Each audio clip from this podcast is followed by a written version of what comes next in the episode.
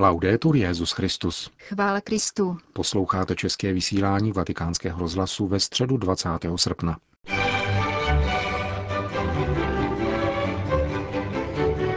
Dnešní generální audience se kvůli letnímu horku konala v aule Pavla VI., kterou zcela zaplnilo 7 tisíc věřících. Vyslechli si promluvu, ve které papež František bilancoval svoji návštěvu v Korejské republice.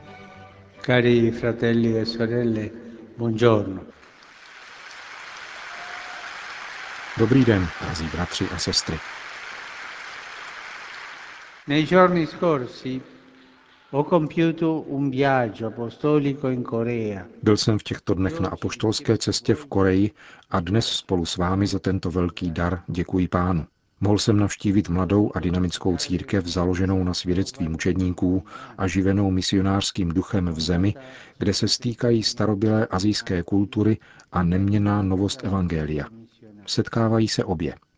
Rád bych znovu vyjádřil svoji vděčnost drahým bratrům biskupům Koreje, paní prezidentce, ostatním představitelům a všem, kdo se podíleli na této mojí návštěvě.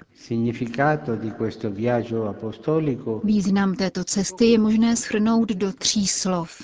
Paměť, naděje a svědectví. Korejská republika je zemí, která prošla značným a rychlým ekonomickým rozvojem. Její obyvatelstvo je dělné, ukázněné a spořádané a záleží mu na uchování rozmachu zděděného po svých předcích. V této situaci církev opatruje paměť a naději. Je duchovní rodinou, v níž dospělí předávají mladým pochodeň víry obdrženou od starých. Paměť svědků z minulosti se stává svědectvím v přítomnosti a nadějí budoucnosti. Z této perspektivy lze nahlížet dvě hlavní události této cesty. Beatifikaci 124 korejských mučedníků, kteří se řadí k těm, které kanonizoval před 30 lety svatý Jan Pavel II. a setkání s mládeží u příležitosti 6. azijského dne mládeže. Mladý člověk vždy hledá něco, kvůli čemu stojí za to žít. A mučedník dosvědčuje toto něco, ba dokonce někoho, kvůli komu stojí za to žít. Touto skutečností je láska Boží vtělená v Ježíši, svědek Otce. V obou momentech věnovaných mládeži nás duch vzkříšeného pána naplnil radostí a nadějí, kterou mladí lidé nesou do svých zemí a prokáží mnoho dobrého. Církev v Koreji opatruje také paměť primární role lajků v prvopočátcích víry i v samotné evangelizaci.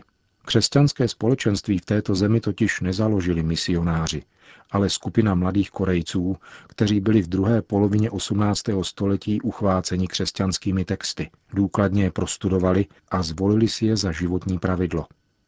Jeden z nich byl vyslán do Pekingu, aby přijal křest a tento laik potom pokřtil své druhy. Z tohoto prvního jádra se vyvinulo obrovské společenství, které od začátku a skoro celé století snášelo kruté pronásledování s několika tisíci mučedníků. Církev v Koreji je tedy založena na víře, na misijním úsilí a mučednictví věřících lajků. První korejští křesťané si vzali za vzor prvotní apoštolskou obec v Jeruzalémě a prokazovali bratrskou lásku, která překonává všechny sociální rozdíly. Proto jsem povzbuzoval dnešní křesťany, aby byli velkodušní ve sdílení s těmi nejchudšími a vyloučenými podle 25. kapitoly Matoušova Evangelia. Cokoliv jste udělali pro jednoho z těchto mých nejposlednějších bratří, pro mne jste udělali. Drazí bratři, dějiny víry v Koreji ukazují, že Kristus neničí kultury, nepotlačuje snažení lidu, který během staletí a tisíciletí hledá pravdu a prokazuje lásku Bohu a bližnímu. Kristus neruší to, co je dobré, ale nese to dál a naplňuje. Kristus však bojuje proti zlému a potírá zlého, který rozsévá koukol mezi lidi a mezi národy, produkuje sociální vylučování v důsledku idolatrie peněz a do srdcí mládeže zasévá jed nicoty. Ano, Ježíš Kristus přemohl a porazil zlo svou obětí lásky. A zůstaneme-li také v něm, v jeho lásce, jako oni mučedníci, můžeme žít a dosvědčovat jeho vítězství. V této víře jsme se modlili a modlíme se i nyní, aby všechny děti korejské země, které jsou sužovány důsledky válek a rozděleními, mohli kráčet cestou bratrství a smíření. Tuto cestu osvěcovala slavnost na nebe vzetí Pany Marie. Z hůry, kde kraluje spolu s Kristem, provází Matka Církve putující boží lid, podpírá ty nejnamáhavější kroky, utěšuje všechny, kdo prochází zkouškou a udržuje otevřený horizont naděje. Kež na její mateřskou přímluvu pán stále žehná korejskému lidu, daruje mu pokoj a prosperitu a žehná církvi, která v této zemi žije, aby byla ustavičně plodná a plná radosti Evangelia. Končil papež svoji hlavní promluvu na generální audienci. Potom pokračoval v pozdravech určených a následně tlumočených jednotlivým jazykovým skupinám. V pozdravu adresovaném francouzsky mluvícím poutníkům papež zmínil situaci v Iráku. Vybízím vás, abyste se spolu s celou církví spojili v modlitbě za ty azijské komunity, které jsem navštívil, jakož i za křesťany pronásledované ve světě, zejména v Iráku, a také za ostatní nekřesťanské náboženské menšiny, které jsou rovněž pronásledovány.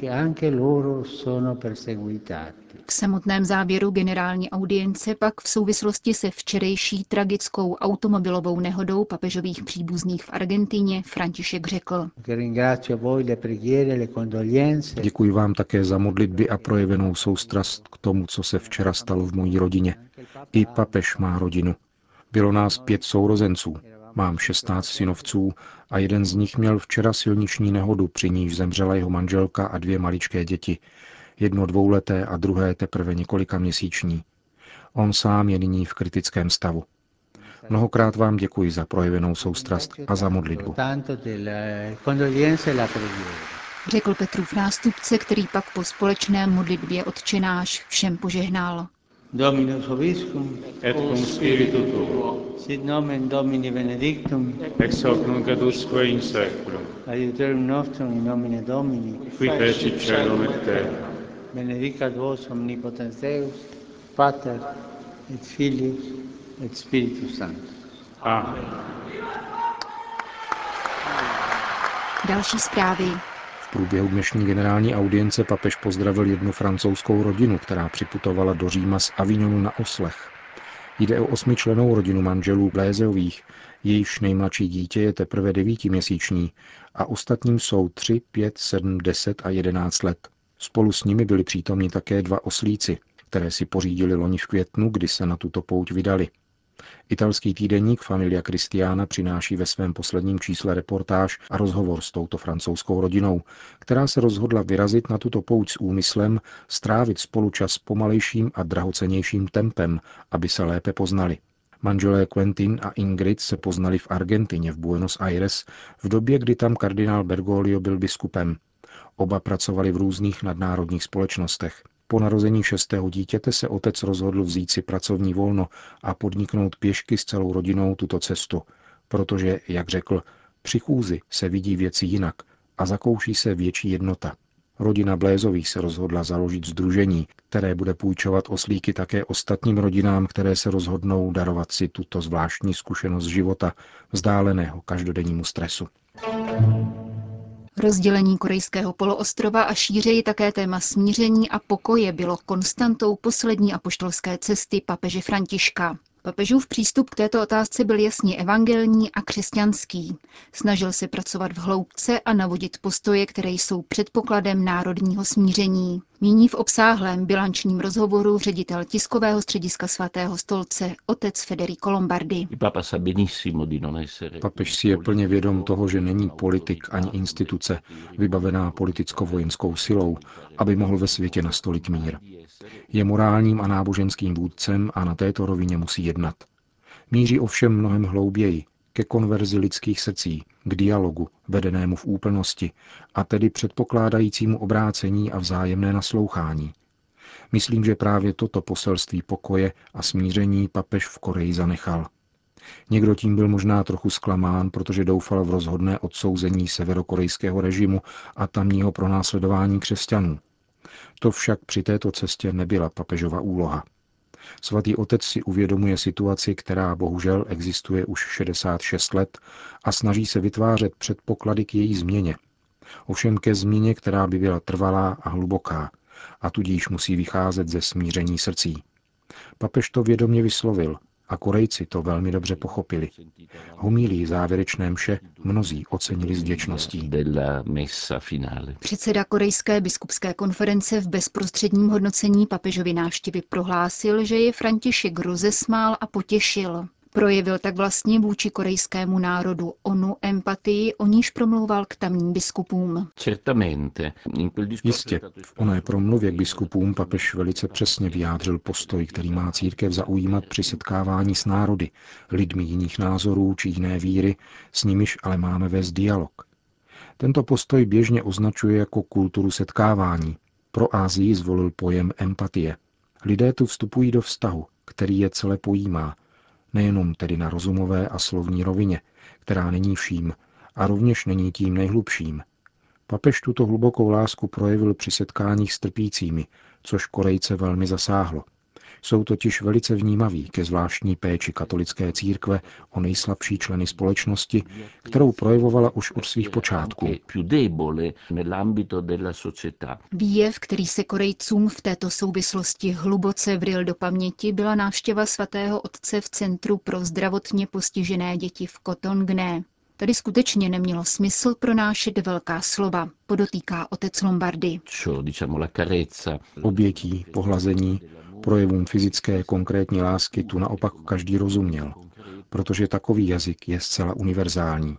Je to nutné docenit a děkovat nebi za to, že existuje tato všeobecně srozumitelná řeč, jazyk konkrétní lásky. To pochopili všichni svědci, svatý František, ale také matka Teresa, která při své práci v Ázii stělesňovala poselství křesťanské lásky. Papež František tímto jazykem mluví velice prostě a přirozeně, což je jeho velký dar. A také je to jeden z nejúčinnějších způsobů, jakým církev dosvědčuje Krista v jeho podstatě, v lásce.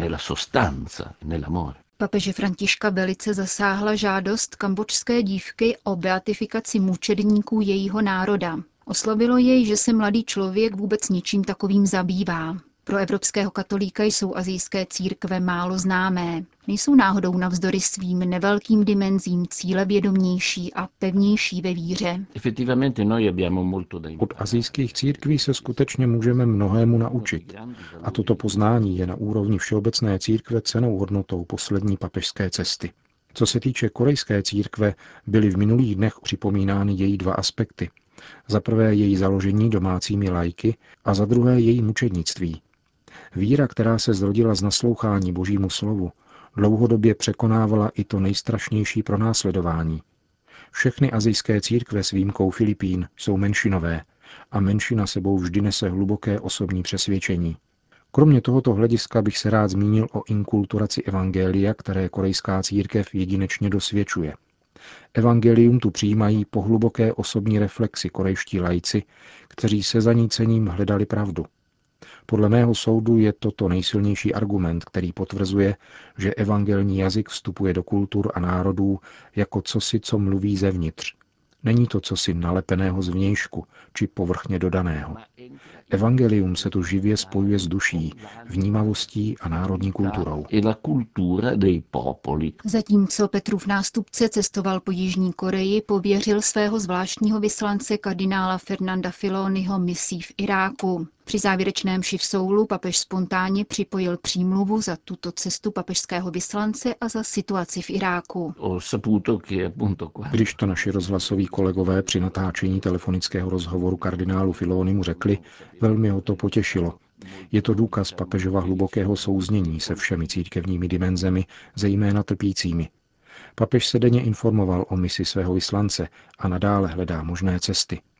Při závěrečné konverzaci v letadle dokonce prohlásil, že uvažuje o své cestě do Kurdistánu. Situaci tedy nesleduje pouze teoreticky a zpovzdálí, ale skutečně z celého srdce.